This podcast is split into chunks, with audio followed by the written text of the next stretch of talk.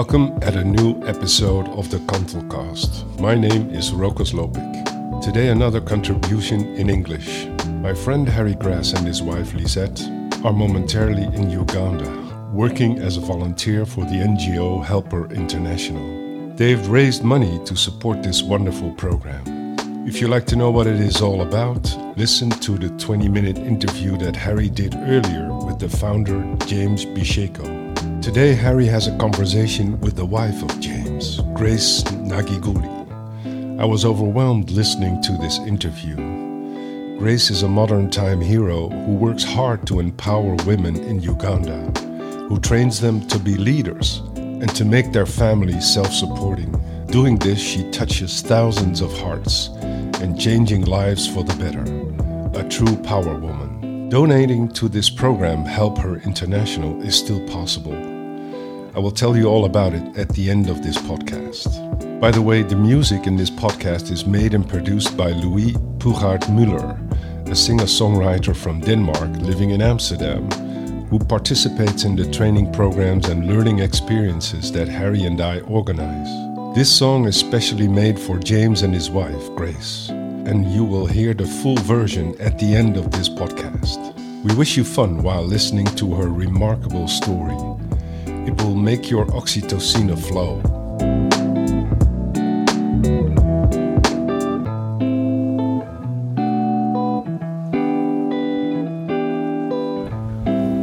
Hello, Grace. Can you introduce yourself? Oh, thank you, Harry. My name is Nachiguli Grace, married to James Bisheko. We have two children. I live here in Chireka. Yeah, and I'm happy.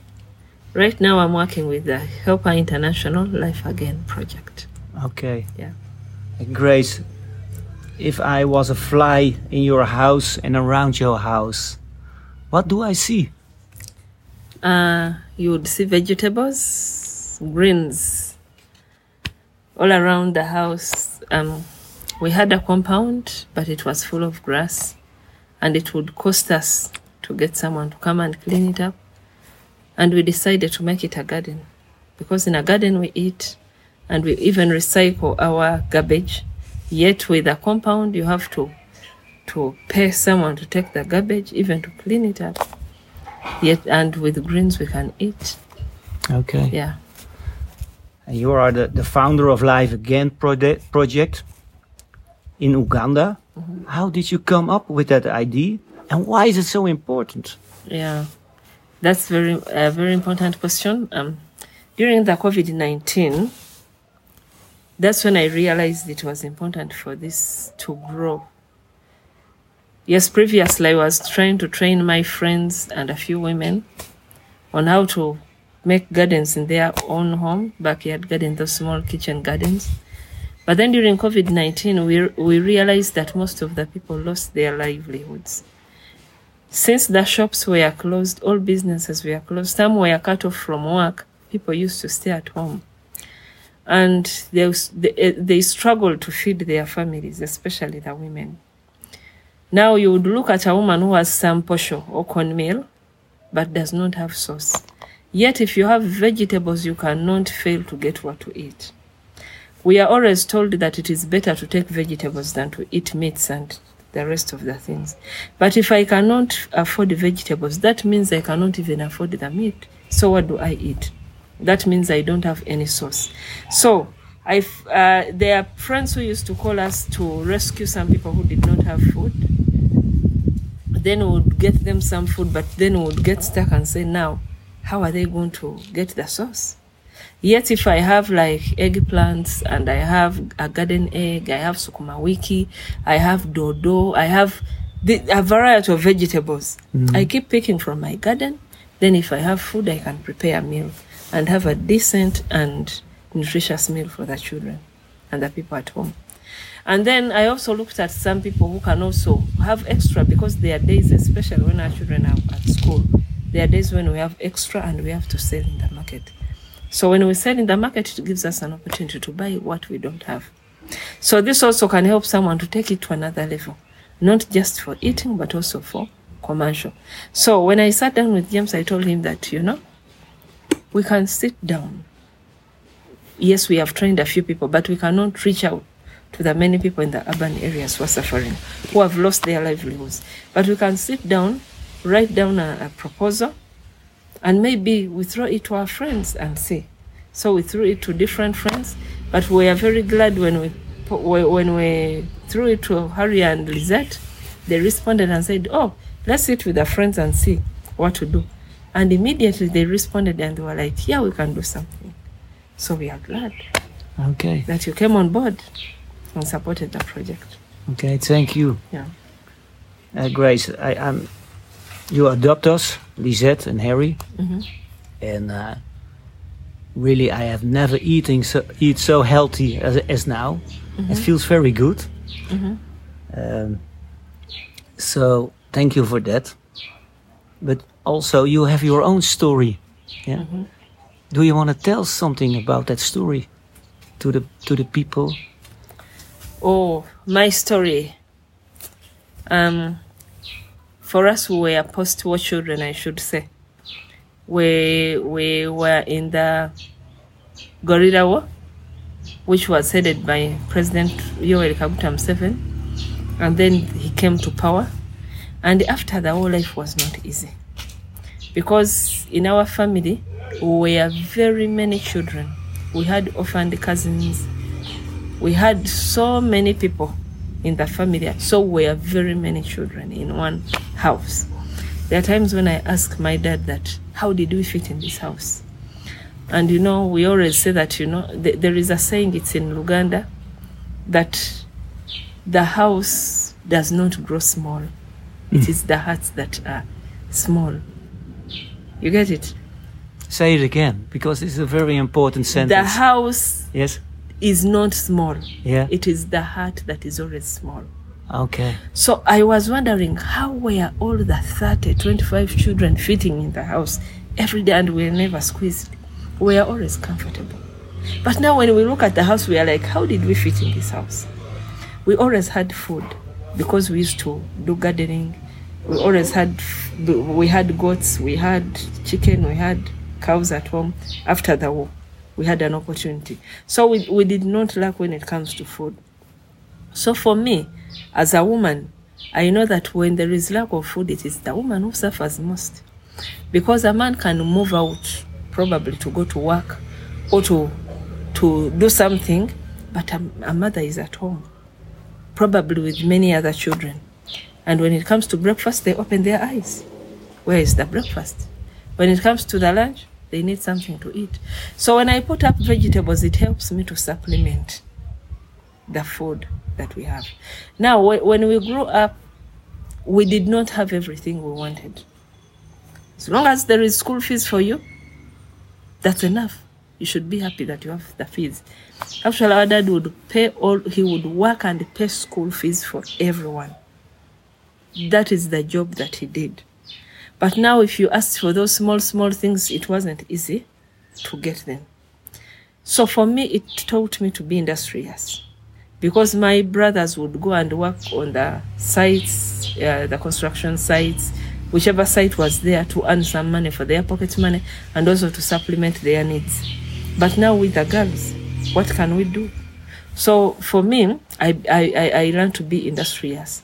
I could wash their clothes because boys normally don't want to wash. So I wash for you, you give me pocket money. And as I grew up in my vacation for senior six, I began doing some business. I began making chapati and also sending them with my brothers and my cousins to the construction si- site so I would earn some money.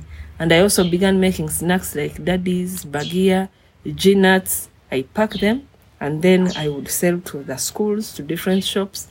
And I continued doing that even when I was at the university. Because for me, I don't remember even my parents buying for me sanitary towels, buying for me panties, those small things.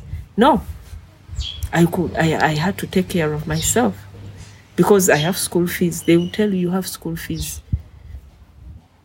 Get it? So I began being industrious. So when I look at a woman giving birth to girls, you must be a very strong woman because they have basic needs and they have to come to you as a mother to ask for those needs. for me, I grew up that way and I, I, I didn't feel sorry for myself because I was like, yeah, we are many and we, all of us need, and there isn't. So, whatever was there, we are comfortable with it. But right now, I wouldn't like my child to be like that. To like even the basics of life, because I would consider sanitary towel or a panty to be a basic of life, which a mother can assist a child or a parent should should offer. But if a parent is not able to offer that, then that means the life is not good at all. So that has always encouraged me to be industrious, to think of things to do, always to to find out whether I can do something and sell it to complement the income that we have as a family. So when I grew up that way, I felt like maybe it's better to have boys because boys can struggle and work. It wouldn't be easy f- during this age to, to send a child to a construction site, especially a girl, or to a place that you you, you, you, you, you don't have control over, or a place that is not well controlled because you want them to earn money. But for boys, they can move out and supplement what what you what you have, it just in case you, you have failed to provide. Or even as they grow, you teach them to labor and work so that they can grow up knowing how to value the importance of having a job and how to value. uh, You know, during this era, most men even run away. They have two hands, they have two legs. They run away from home. Yet, for me, I would think that a man can do anything to support the family. A man should respect any job because, as for me, I, I don't disres- I don't disrespect anything. As long as I can do something and earn decently, I will go out and do it. You see, most of the women are suffering because they are carrying the burden of the home alone. When you come to the urban centers where we don't have big gardens, women suffer a lot. And they may dress, put on a very clean and very nice dress. Probably they keep their hair very nice and you think, yeah, she's well off. But when you enter her house, when you enter into her heart, that, that is when you can know that she's going through a lot of suffering. And we see that most of the women are getting high blood pressure and those other diseases because they are always depressed. They, are, they don't know how to handle the family. You cannot be in town when you are buying all the food. You are buying everything, and then you think you'll also give school fees to the children and construct a house for yourself, given the incomes in Uganda. And now, when you look at the inf- inflation rate, because it has affected me even when it comes to my business, I always had other businesses. Somehow I put a stop because prices keep increasing, and sometimes I'm thinking, how can I price this these goods? And you know, when prices go up, even the customers tend to to shrink their their buying, and so it affects, especially when you're dealing in foodstuffs. But with a garden, we can supplement our income. We can eat very nutritious food. We are sure we have a meal in the house. And that is why I felt like, yeah, we can throw this to many other women. And probably if there is a woman out there who can access land or, or rent it, she can even take it to a bigger level and make it business. Because I'm also thinking of making it a, a big business, not only looking at being comfortable with a garden in my compound, but also thinking of developing a greenhouse and ultimately probably continue to expand. Yes, with our family as we Okay. work together. Yeah. Great. So, if you, if I hear it correctly, is you are a businesswoman, you are creative, you are a power lady, because you have to look for income, hmm um, and you're now laughing. so, and about your story, is there an? Can you remember that there's an important turning point in your life, or more, who shapes you and has a lot of influence on your life? Um, what I would say, there was a time I was at the university and I had coursework to do, and I had to, I had to file it. And print it, bind it, and do all that the stuff. And I was stuck because all the money I had, I had lent to the friends, and the rest was in the business. And I had a deadline for homework, so I I needed sixty thousand.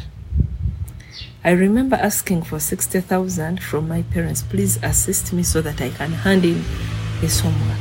60,000 shillings. 60,000 shillings. Yeah.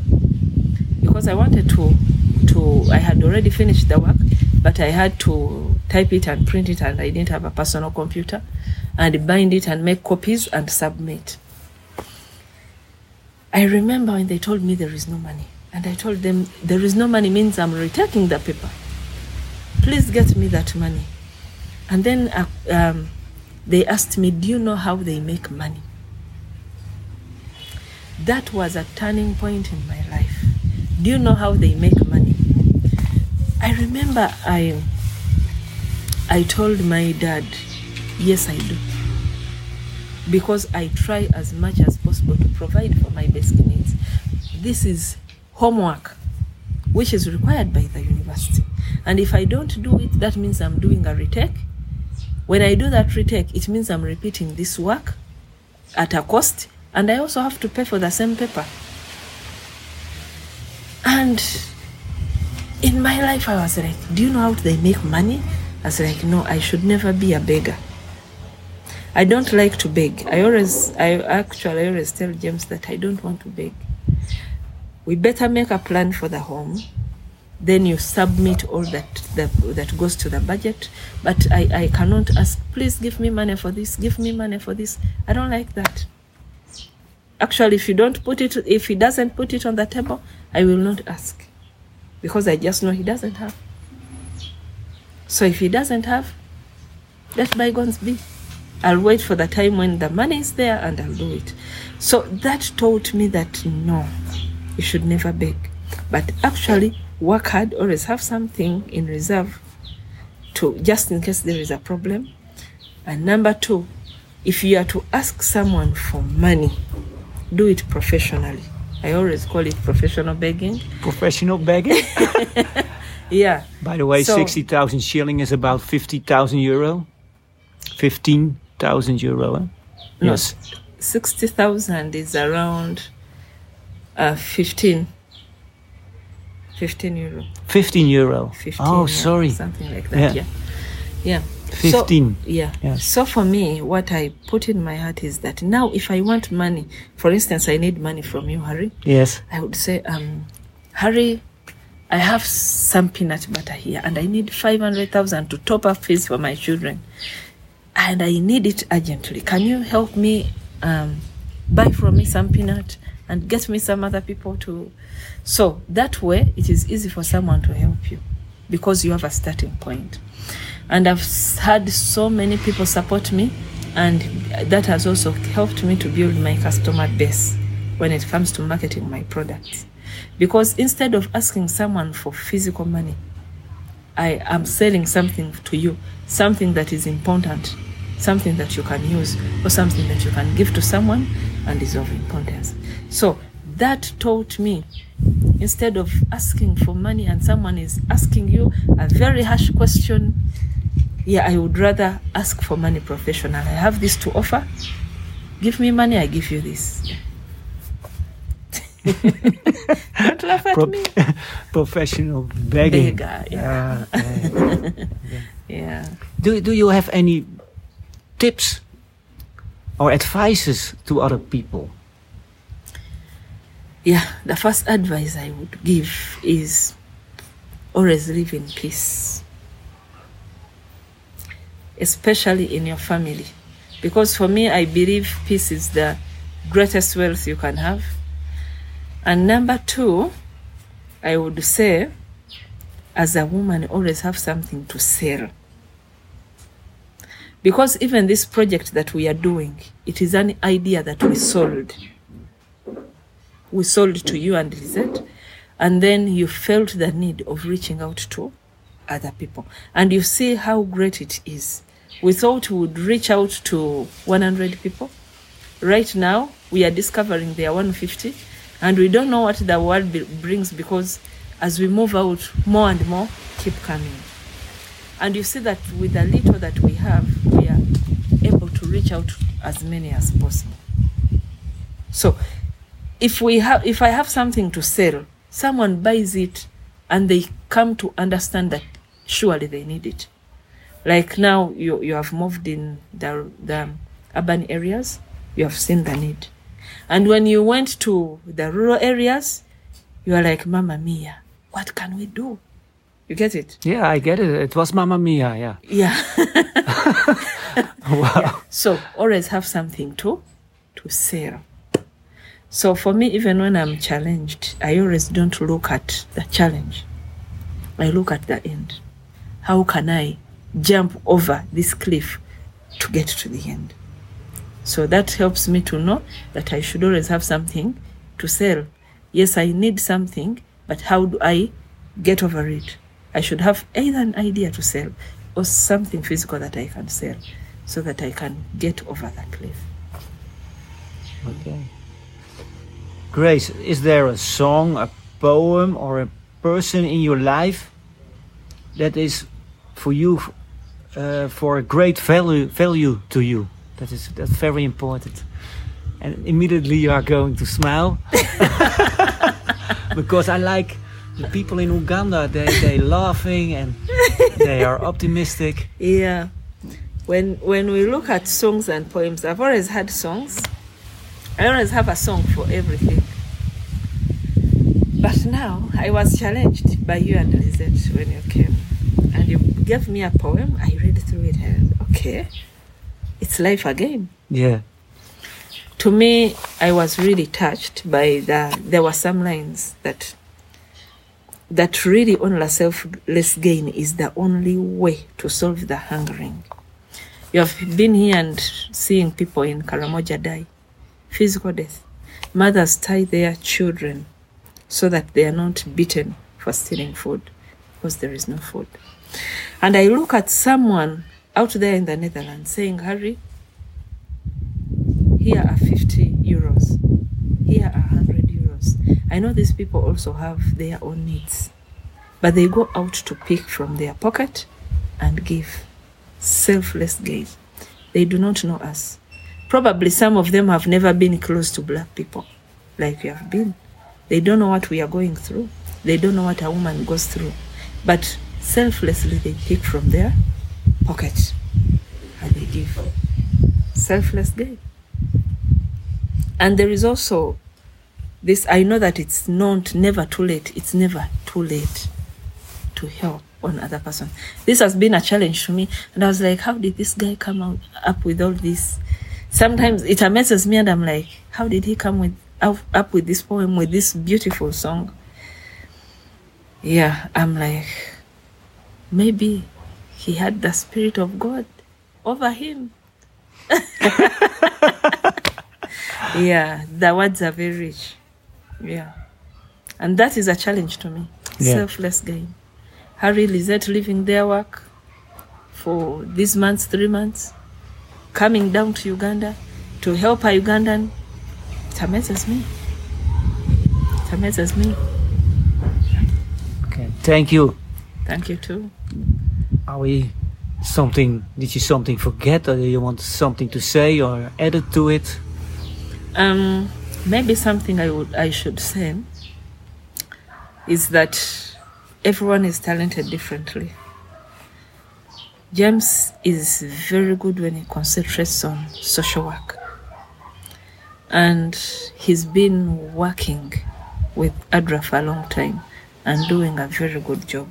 Because wherever he has worked, you see that there is a mark, like a snail leaves a mark.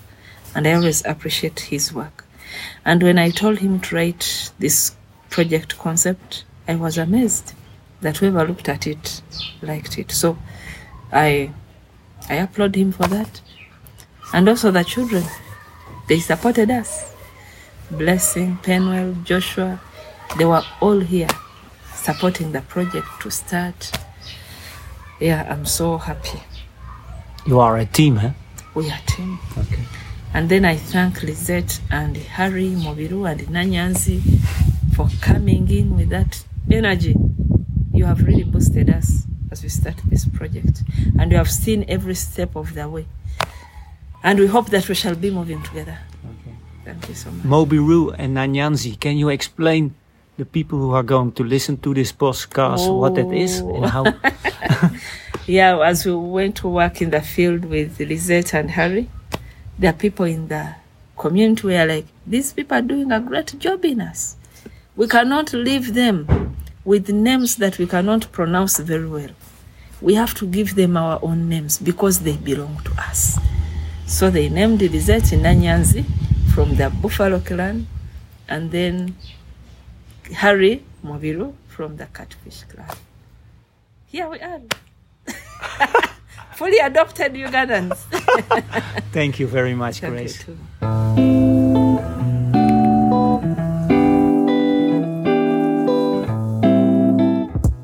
Thank you for listening to this episode of the Kantelcast. We dedicated this episode to James and Grace and to all the women of this world.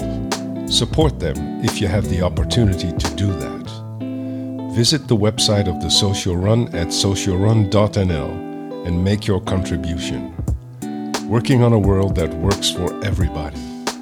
Share this podcast with your network, and we love to read your review. Thanks again for listening, and hey, don't leave. Listen to this amazing song of Lewis. It makes your heart sing for the women of this world. Hope to meet you again at the next episode of the Kantelcast.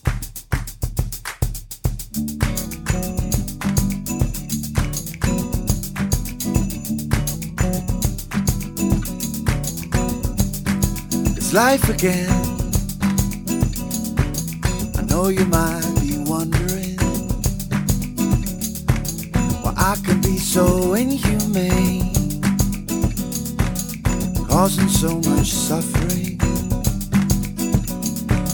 I know it might be little too, little too late, little too, little too late, little too, driving you insane, little too. So I leave it up to James and Grace, the guardian angels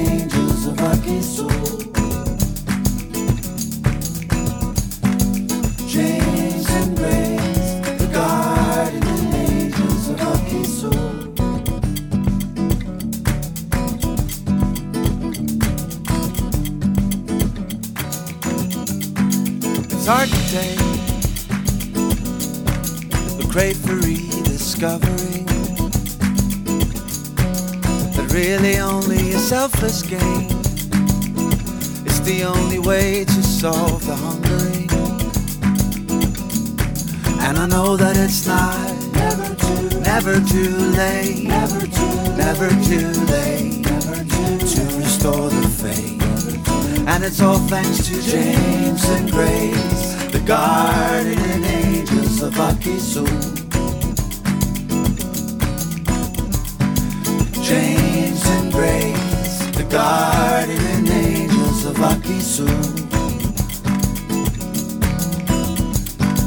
James and Grace, the guardian angels of Akisu.